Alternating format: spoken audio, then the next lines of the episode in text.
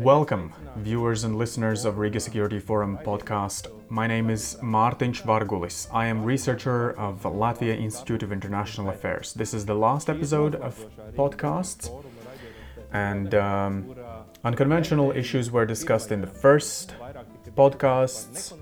Uh, today, but today we are going to be talking about uh, security, defense, both uh, in the context of Latvia, NATO, and transatlantic relationships. And um, I am honored to have um, here today Ambassador, Assistant Secretary General for Public Diplomacy, uh, Madame Baiba Braže and thank you for joining us today in a time which is very challenging for security, especially. Hello, I am not uh, Latvian uh, ambassador, but uh, being ambassador is something of a historic Latvian memory, uh, which just um, basically thank you for taking the word, spreading the word about Latvia in NATO.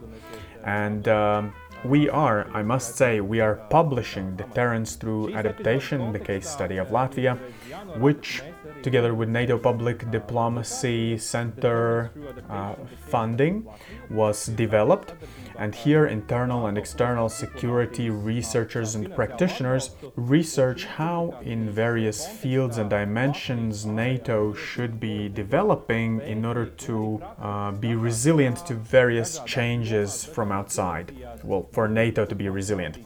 And this is why I would like to begin discussion with you and ask you a question.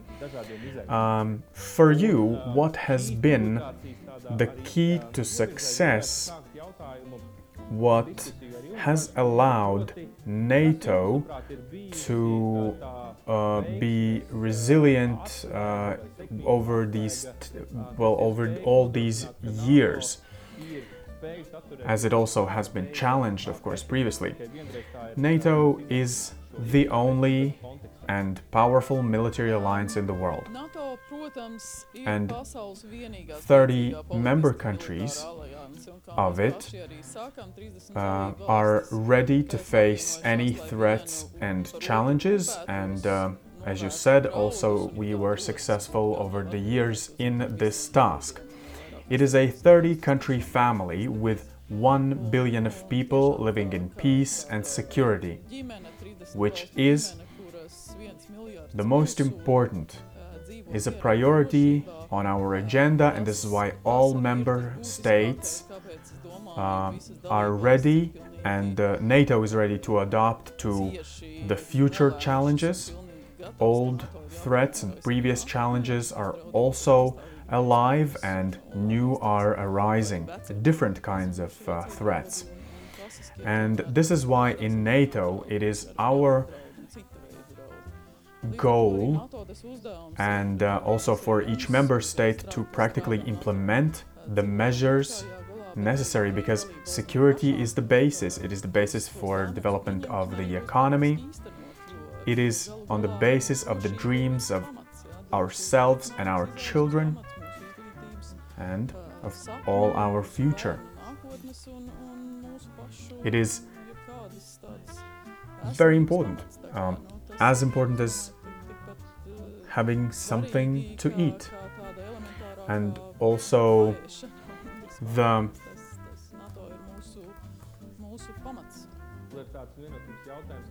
also this deterrence element is very important and like how would you describe what kind of world do we live in right now? What are the challenges the alliance faces?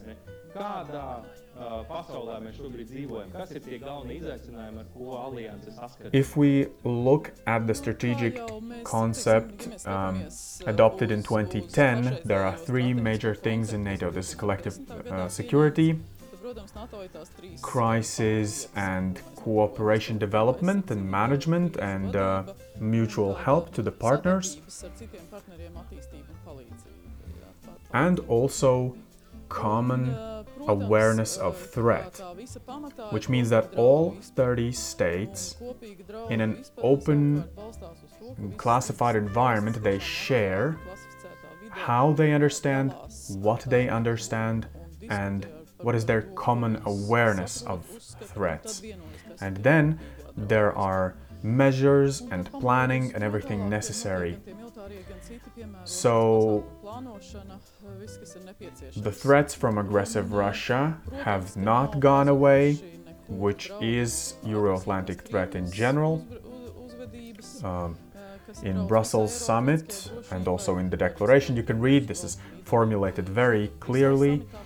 Uh, we all agree on that. Terrorism threat to our community and society, they still exist. And if I am asked what are the new challenges, uh, unconventional threat, we know very well that everything that is related to technology development, related to development of cyber attack capabilities or informational attacks uh, uh,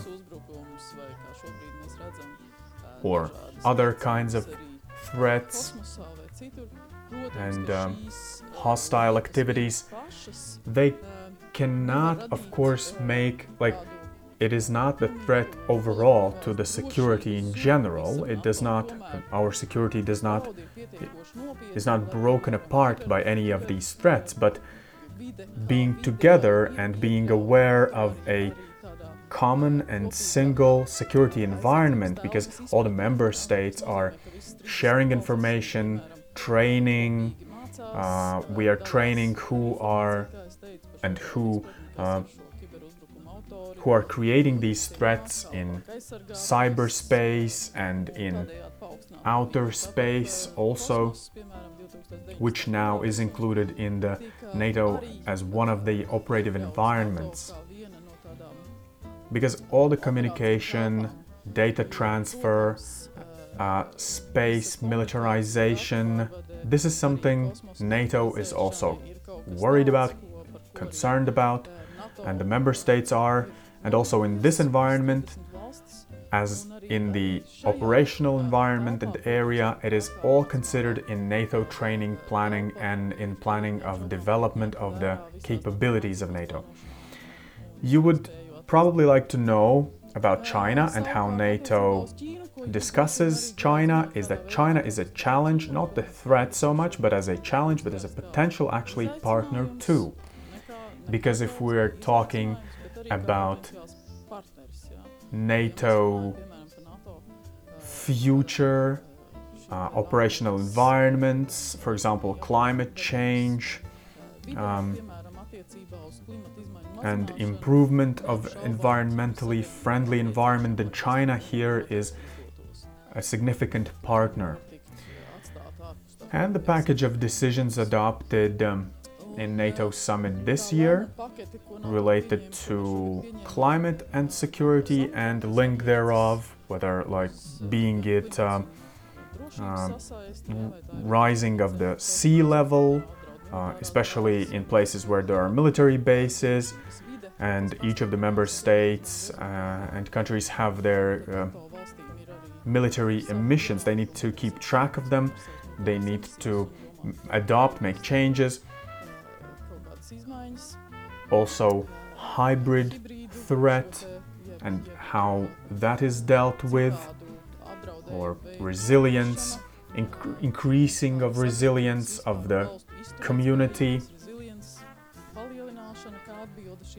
Also, everything that is related to technological capabilities, not just classic military industry, but all the technological industries which need to be included in the thinking about the solutions about our collective security improvement. And this is why NATO has decided to also create technological accelerator for startups, for technology companies, for them to be able to share information in a common environment, um, share their know-how and knowledge about um, technologies and solutions. So not only for conventional um, resilience and uh, deterrence and uh, like um, protection against uh, missiles, but this is the cooperation between all the member states, like for hybrid uh, threats, against hybrid threats currently. So this policy, thank you for introduction regarding it, and now which is um, um, hybrid warfare, which is directed towards one of the NATO member states, and in uh, in a way also towards Latvia. In new NATO concept, are we dis- uh, are we discussing about possible in the po- um, in the view of the possibility of some, uh, well, what would be the reaction? For example, what would NATO do more with their allies and uh, the uh, alliance itself, uh, given the events on the border? You know, there's always the the leading role is um, that of the member states, whether they are asking for assistance and what kind of specific assistance, be it uh, cyber attack or other kind of attack, I must say that the national systems they need to be linked and interconnected not only between internally ministries, organizations from prime minister, uh, Ministry of Interior and others, but also the big companies not only those owned by the state, but also private companies. They all need to be interlinked for critical infrastructure needs, uh, some of, of importance uh, on the scale of the whole nation, like research institutes, like yours, Latvia Institute of International Affairs, uh, journalists. They need to be aware the academics need to be aware, education system, it all has to be linked in one single common awareness about threats and how to uh, how to deal with these threats. Uh, NATO, being 30 member state organization, we have concluded that this is the only transatlantic international security politically military alliance where we have such cooperation, but internal responsibility is the precondition for successful understanding of what is going on uh, and to be able to identify and also respond. And such cooperation in between the 30 states and this awareness, as I said, it creates the best possibility for response. That is already the next step. So, for example, on the border now, definitely when Poland, Lithuania, Latvia conclude that it needs assistance, and as you remember that Lithuania asked NATO hybrid um, attack support uh, assistance, and NATO um, and NATO sent it to um, to Lithuania, helped Lithuania. This was a particular action from Lithuania. Lithuania believed um, it is justified. So NATO cannot substitute internal force, readiness of the internal force to identify and react. In, in your previous answer, you were talking about China, People's Republic of China, and shifting from Russia to maybe China, uh, this meaning the focus, and especially here in Latvia, what does practically it means that we need to somehow react to the threats from or challenges, as you said, uh, which originate from China's ambition. And maybe in the whole Baltic region. Secretary General uh, also talked about it, and all the member states in NATO believe that China currently is not a direct threat to NATO, but at the same time, there are uncertainties and questions. For example, why do they uh, develop their military and nuclear possibilities and capabilities, conventional warfare capabilities, mm, navy and infantries, ignoring international tribunal uh, decisions in the field of uh, various legislation. So this is the question, and also is the question about human rights violations,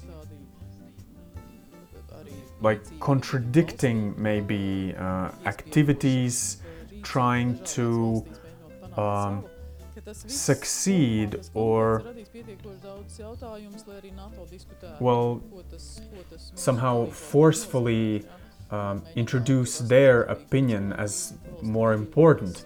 It doesn't mean that NATO is going to send now military operations. We need to understand what it all means. We're not going to be sending um, anything, but the cyber attacks uh, this autumn you saw, and all the 30 member states, and it was also publicly uh, available the information that it was identified that this is China's cyber attack, which was partly conducted from China, which means that China has come with their actions and um, and it is hostile and uh, they're hackers and this this is definitely a concern. And China investment in critical infrastructure which can later limit um, capabilities or maybe quicker military reaction and operations. Also, private companies of the member states there are which believe that China companies, Chinese companies have this, mm, they compete. Um, well, they compete with large subsidies from China including uh, their subsidies to technological companies, so they have unfair advantage. Uh, big data accumulation and uh, development. This is all complex, which raises many questions NATO needs to address and discuss.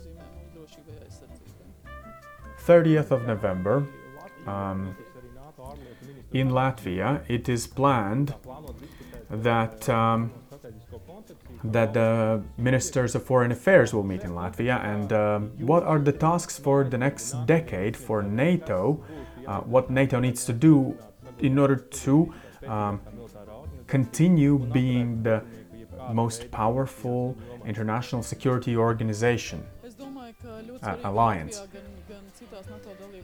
For NATO and in member states, it is important to understand that currently we are in the era of strategic competition.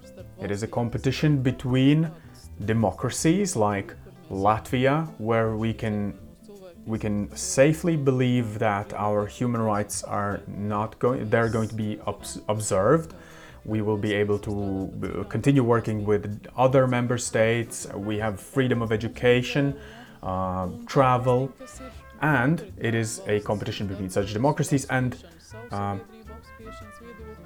and authoritarian states uh, where they are internationally have a different strategy and also they are the threat to uh, other nations and the era of this competition will also mean that we need cooperation within NATO. We need to invest heavily uh, in ourselves in the alliance, in our future capabilities.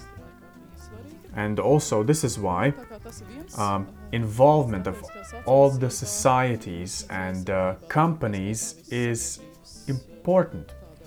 So, strategic competition, investment, um, involvement, awareness of all the society is important, and definitely technology, as a result of technology development, not only classic defense industries but private sector and all dual capability, civil, military. Uh, they are going to make sure that NATO, as politically military alliance, is going to be a political and military, military alliance is going to be the platform for Europe, uh, USA, uh, the USA and Canada cooperation and the security. It is integrated. It is one common and single security environment which can only be made uh, stronger. Uh, thank you, Madame Braže, and especially now, as much as I know, um, during this time you're very busy, and what I have heard today is that it is becoming more comprehensive.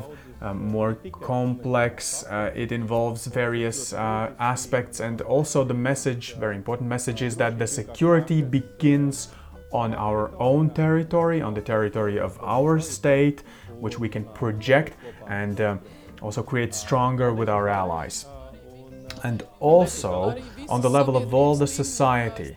It means that all the society needs to get in, uh, needs to get involved. It begins with our own actions, with the actions of our companies, and awareness that the people have their role, significant role in all the security. It's previously uh, eh, we have thought about tanks, maybe, uh, and now also we're speaking about the borders, but the space and time has shrunk, and uh, in the context of threats and so, awareness of all the society is very, very important. So, state involvement and NATO's ability to adapt to this new environment is going to be uh, of increasing importance regarding how each individual, how safely each individual is going to feel. Thank you to the viewers and um, also ministers of foreign affairs and other high level experts and politicians are going to discuss these matters also on the 30th of November. Please connect to that too. And uh, thank you and uh, good luck to Latvia International uh, Institute of International Affairs.